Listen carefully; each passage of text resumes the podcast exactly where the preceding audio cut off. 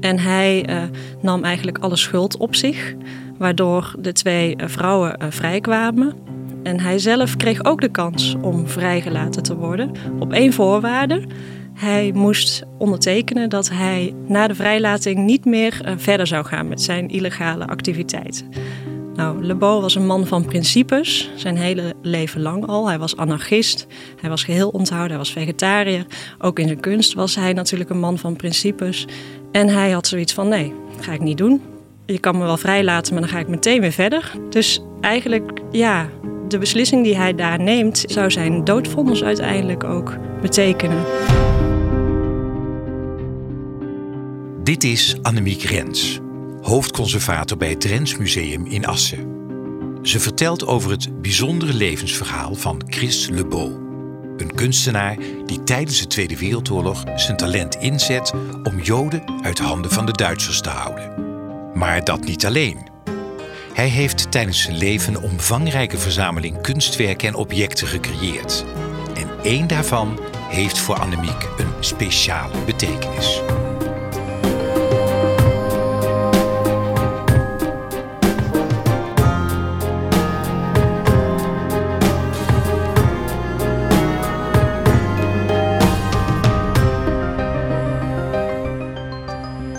Luistert naar Topstukken, de podcast over de mooiste kunst en cultuur van Nederland. Mijn naam is Albert Verlinde. In elke aflevering praat ik met een expert van een museum of een andere culturele instelling in Nederland en stel ik de vraag: wat is jouw persoonlijke topstuk?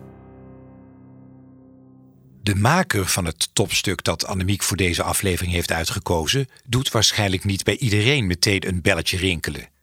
De vrouw die hij portretteerde waarschijnlijk evenmin. Maar samen hebben ze een ongelooflijk verhaal te vertellen. Een verhaal over principes, vriendschap en ongekend perfectionisme. Een verhaal dat ons terugvoert naar het ondergronds verzet tijdens de Tweede Wereldoorlog. Ik heb een heel mooi werk uitgezocht. Een portret van Sixta Hedema gemaakt door Chris Lebeau. En uh, ja, ik vind dat echt een van de absolute topstukken uit onze collectie Kunst rond 1900. Ja, het is een ongelooflijk mooi portret van een jonge vrouw. Sixta Hedema is op dat moment ongeveer 24 uh, jaar. En uh, ja, je ziet een hele mooie lelieblanke huid. Ze heeft een hele mooie gebloemde jurk aan. Ze kijkt je eigenlijk een beetje dromerig aan in de camera. En om haar nek heeft zij een ketting met een knoepert van een barnsteen. En als je heel goed kijkt, dan zie je in die barnsteen ook de weerspiegeling van het atelier met daarin de kunstenaar. Dus stiekem is het eigenlijk ook een zelfportret van Chris Lebeau. En wie was die Chris Lebeau? Chris Beau was een ongelooflijk uh, bijzondere uh, man en kunstenaar, geboren in 1878 in Amsterdam. En hij kwam uit een uh, hele armoedige familie, woonde in een kelderwoning in Amsterdam, die ja, eigenlijk heel vaak onder water stond. zijn vader was anarchist, was politiek actief, was alcoholist, regelmatig in aanraking met de politie. Bij de familie Le Beau thuis werden ook wel ja, stenen door de ramen gegooid. En eigenlijk die armoede wordt ook duidelijk door een heel merkwaardig krantenbericht. wat de broers en zussen van Lebo uitbrengen op het moment dat hij uh, geboren wordt. En daarin zeggen ze eigenlijk van ja. We zitten eigenlijk niet te wachten op nog een broertje, want dat betekent dat wij nog minder te eten hebben.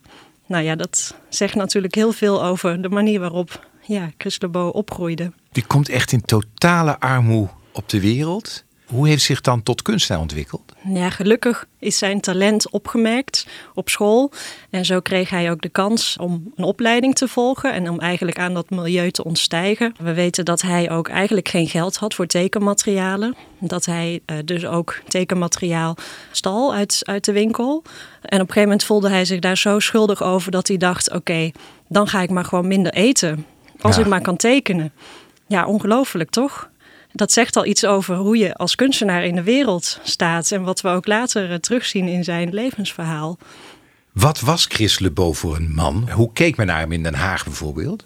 Nou, het was een markante figuur. We weten dat hij eh, door de straten van Den Haag reed eh, op een straatvlo. Een straatvlo? Ja, dat, dat was de naam voor een eh, zelfgebouwde fiets. Die bestond uit een houten plank met vier fietswielen eronder, een motortje erop en een rieten stoel waar Le dan in zat. Ja, het was maar werd hij wel serieus of was het een beetje de, de, de Haagse gek ook dan? Nou, ik denk dat mensen wel wisten dat is de grote kunstenaar. En ik denk dat je dan ook wel met een hoop wegkomt. Maar hij had een hele grote baard en uh, altijd een soort hoedje op. En hij droeg schijnbaar ook hele bijzondere kleren. Het was uh, ook niet altijd een makkelijke man. Iemand die ook heel fel uit de hoek kon komen. Maar vooral als het ging om onrecht. Dus daar wilde hij altijd uh, zich tegen verzetten. En uh, ondertussen was het natuurlijk iemand die echt helemaal voor de kunst ging en ja. alles voor de kunst deed. Maar zelf ook een kunstwerk was eigenlijk, als ik het zo hoor, ja, wat je, wat, je je, wat vertelt. Heeft hij een groot oeuvre? Ja, zeker. Nou, hij heeft natuurlijk zoveel verschillende dingen gemaakt. Hij had ook een hele hoge productie. Alleen al in onze collectie. En, en dat is wel meteen de grootste collectie. Uh, Hoeveel werk van moet ik Le dan aan Beau. denken? zitten uh, meer dan 2000 uh, werken. Zo. maar dat gaat van, van schilderijen en tekeningen naar ontwerptekeningen, naar damast, naar batiks. Ja, noem het maar op. En wat maakt een echte Le Beau? Dat je zegt, nou, als je er naar kijkt, denk je, ja, dat, dat is Chris Le Beau. Ja, het ligt een beetje aan wat voor soort object het is. Want een damasten uh, tafelkleed is natuurlijk iets heel anders dan het portret waarover we hebben gesproken. Maar Le Beau, uh, ja, je zou kunnen zeggen dat perfectionisme wat erin zit. En uh, hij is ook een, een, kunstenaar die bekend is geworden als pionier, als vernieuwer in de Nederlandse Art Nouveau. dus dat is, dat is ook een hele belangrijke rol die hij heeft gespeeld. Wie heeft hij geschilderd? Hij heeft uh, hier Sixta Hedema geschilderd. En zij was zijn leerlinge. Ook een hele goede vriendin. Zij was bijna 35 jaar jonger dan Le Beau. En bij vrienden op een verjaardag uh, hebben ze elkaar ontmoet. En zij zat op de kunstacademie en ze vertelde daarover. En Le Beau die had zoiets van, nou, volgens mij uh, krijg jij daar helemaal geen goede opleiding. Dus hij haalde haar over om te stoppen en bij hem in de leer te gaan. En zo uh, geschiedde. En Le Beau was getrouwd? Of was dit zijn vriendin uiteindelijk? Nee, nee hij was getrouwd. En uh, hij was ook... Ja, de relatie was puur vriendschappelijk. En ook leerling-meester. En ja, heel hecht. Ze woonden vlak bij elkaar. Uh, Sixta ging ook mee op vakantie met de Le Beau's. En dan zaten zij dagenlang ook weer te tekenen. Dus was vast heel ongezellig voor zijn vrouw. ja, twee, twee soulmates waren dat eigenlijk een ja, beetje. precies. En is dit een schilderij dat je denkt... of werkt hij zo dat je denkt... nou, gaat zitten, jij gaat poseren... en uh, vier uur later is klaar? Nee, absoluut niet. Nee, we weten zelfs uh, dat het uh, maar liefst 120 poseersessies kosten om dit schilderij te maken. 120 sessies? Ja, stel je voor dat je 120 keer uh, moet gaan poseren. Maar dat had zijn reden, want Le Beau was een perfectionist. Hè, dus hij wilde uh, haar ook echt met fotografische precisie schilderen. En ja, hij koos niet voor de makkelijke weg. Hij had natuurlijk in de winkel verftubes kunnen gaan kopen. En nou, dan was het redelijk snel uh, klaar misschien. Uh, maar hij wilde ook nog uh, schilderen eigenlijk volgens de technieken van de oude meesters. Dus hij ging zelf verf maken. En ja, het duurde dan minstens een week voordat die laag was opgedroogd. En dan oh, kon hij pas weer verder. Dan kon hij verder en moest hij weer terugkomen. Dus ja. het is bijna 120 weken dat hij eraan gewerkt ja, is. hij was bijna. sowieso een ongelofelijke perfectionist. En hij schilderde niet alleen, hij was ook uh, kunstnijveraar. Dus hij maakte uh, batiks, glas in lood, hele mooie glasontwerpen, theaterdecors. Ja, hij deed eigenlijk alles wat je maar kon bedenken. En al die verschillende technieken wilde hij ook ja, tot in de puntjes uh, beheersen. Chris Le Beau is een vakman die de veel jongere Sixta Hedema inwijdt in het kunstenaarsvak. Zij is dus niet alleen zijn leerling, maar ook een bron van inspiratie, zo blijkt uit het fotografische portret dat Le Beau van haar maakte. Het portret werd gemaakt in 1936. Ons land bevindt zich dan in een grote economische crisis. En dan, in 1940, breekt de Tweede Wereldoorlog uit en wordt Nederland bezet door Duitsland. Dan wordt het verhaal eigenlijk nog meer bijzonder, want uh, Le en Sixta Hedema hebben samen in het verzet gezeten. Zij vervalsten persoonsbewijzen. En uh, ja, dat perfectionisme van Le Beau kwam natuurlijk heel goed van pas. Want de Gestapo kon eigenlijk bijna de valse bewijzen niet van de echte onderscheiden. Hij maakte valse persoonsbewijzen? Ja, en dat deed hij, deed hij dus echt samen met Sixta. Dus je moet je voorstellen, zij zaten naast elkaar. En ze hadden allebei een bepaalde taak. En dan schoven ze door naar de ander. En het was eigenlijk een soort lopende bandwerk. Ja, om maar zoveel mogelijk mensen te helpen. In Den Haag zitten die twee mensen met gevaar voor eigen leven. Ja. En de vrouw van, van Chris, hoe ging die daarmee om? Die kon zich daar ook wel in vinden. Uh, maar zij was zelf geen kunstenaar, dus ze had daar geen actieve rol in. Maar zij ondersteunde dat absoluut. Waar woonden ze toen, toen ze dat deden? In de oorlogstijd was er natuurlijk in de stad weinig te eten. Dus zij zaten een tijdje op het platteland. Eh, Chris Lebo, zijn vrouw en Sixta Hedema natuurlijk. En ja, hij ging op een gegeven moment even terug naar Den Haag. En hij zag daar hoe de nazi's daar de jodenvervolgingen op gang brachten. En hij schrok daar zo ontzettend van. En hij dacht, ja, dit kan ik niet zomaar laten gebeuren. We moeten ons hiervoor gaan inzetten. En, en dat is eigenlijk het moment geweest dat hij samen met Sixta en zijn vrouw dus terugkeerde naar Den Haag en in het verzet ging. Toch echt een keuze, hè? Je woont relatief veilig op het platteland en je zoekt het op. Absoluut, ja. Hij ging dat niet uit de weg. Hij gooide zich er midden tussenin uh, om te zorgen dat, uh, dat hij zoveel mogelijk mensen kon helpen. Hoe lang hebben ze die persoonsbewijzen kunnen vervalsen? Dat uh, hebben ze wel een paar jaar kunnen doen. En in de loop van 1943 zijn ze uiteindelijk opgepakt. Dus heel veel mensen hebben hun leven te danken aan Chris Lebo. Ja, dat kun je wel En Sixta Hedema. Ja, en ze hadden ook onderduikers nog in huis. Dus ja, het ging heel ver eigenlijk voor hen. En ging dat goed of is de Duitser erachter gekomen? Wat, wat gebeurde? Ja, uiteindelijk zijn ze opgepakt en ook afgevoerd naar de, naar de gevangenis in Scheveningen. Uh, ook de vrouw van Lebo en, en Sixta Hedema en Lebo zelf. En hij uh, nam eigenlijk alle schuld op zich, waardoor de twee uh, vrouwen vrijkwamen. En hij zelf kreeg ook de kans om vrijgelaten te worden, op één voorwaarde. Hij moest ondertekenen dat hij na de vrijlating niet meer uh, verder zou gaan met zijn illegale activiteiten.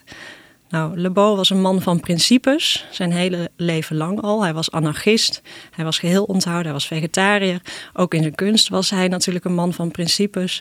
En hij had zoiets van: nee, dat ga ik niet doen.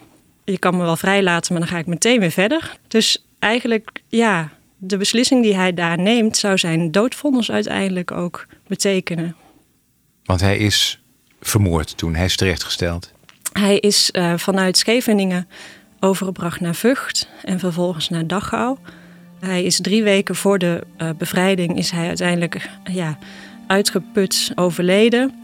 In Dachau dus. Het is, het is een ongelooflijk bijzonder verhaal als je hoort dat zijn kampgenoten... Uh, die hebben opgeschreven hoe ze hem hebben ervaren. En hij was iemand die altijd ook voor de anderen opkwam. En die ook niet schuwde om uh, bijvoorbeeld tussen een bewaker in te springen op het moment dat iemand uh, ja, afgeranseld werd. Ja, hij kwam op voor iedereen, voor onrecht. Tegelijkertijd bleef hij vasthouden aan zijn principes. Wat betekende dat hij geen kippensoep wilde eten, want hij was vegetariër. En daardoor verzwakte hij natuurlijk alleen maar meer. En dat heeft uiteindelijk zijn dood betekend. Zo principieel, hè? Dat bedoel, je begint het verhaal met te vertellen dat hij in een anarchistisch milieu is opgegroeid. Dat hij eigenlijk niet welkom was, omdat het een mondje extra te voeden was. En dan zelf ook anarchist zijn en zo principieel zijn. En gewoon de zaak van je leven maken. Want hij is opgepakt omdat hij voor de zaak stond. Hij is niet vrijgelaten omdat hij voor de zaak stond. En hij gaat eigenlijk dood omdat hij voor zijn zaak blijft staan. Ja, en hij werd ook zo bewonderd door zijn kampgenoten dat zij, en je kan het je niet voorstellen dat, dat zij dat gedaan hebben, maar ze hebben stiekem dus een gipsen afgietsel van zijn hoofd laten maken. Of zelf gemaakt, een dodenmasker. En dat hebben ze verstopt ook. En dat doe je natuurlijk niet zomaar. Dat doe je voor iemand die je bewondert. En, uh, en dat is ja. bewaard, dat dodenmasker? Ja, ja, precies. Waar is dat? Dat is bij de familie nog thuis.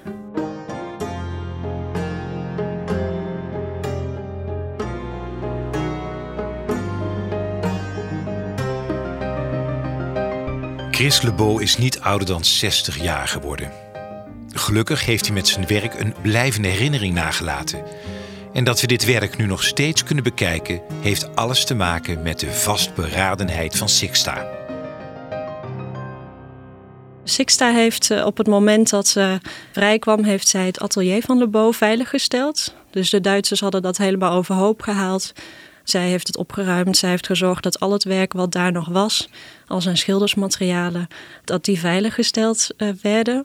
Zij heeft die hele collectie uiteindelijk geschonken aan de Stichting Schone Kunsten rond 1900, die het vervolgens weer aan het Drents Museum heeft geschonken. En zij heeft er eigenlijk voor gezorgd uh, dat we nog steeds zoveel over Le Beau weten en over zijn bijzondere levensverhaal.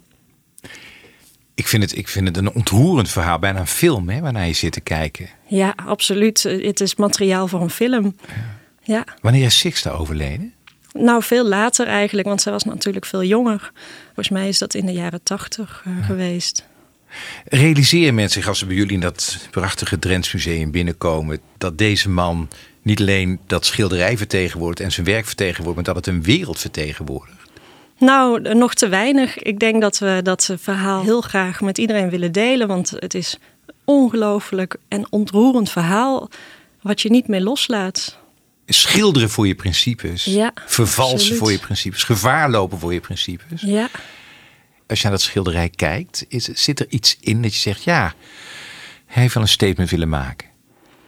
Uh, nou, wat ik heel erg mooi vind aan het schilderij uh, is natuurlijk uh, ja, echt het vakmanschap. Hè? Dus, dus die principes, die zie je daarin terug. Maar ook de liefde die hij voelde voor zijn goede vriendin en leerling Sixta Hedema. Dat straalt het portret gewoon uit. En dat portret waarin hij zichzelf, je ziet hem dus eigenlijk in haar hart. Ja, wauw, wat een mooie omschrijving. Ja, absoluut.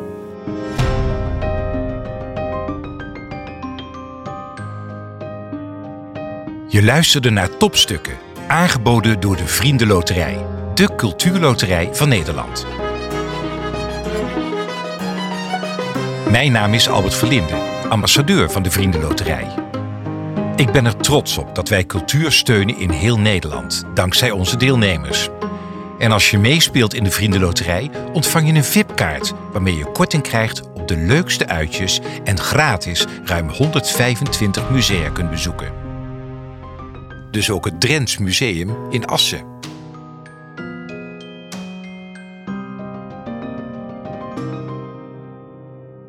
Benieuwd naar meer mooie verhalen? Abonneer je dan gratis op Topstukken in je favoriete podcast-app of ga naar topstukkendepodcast.nl.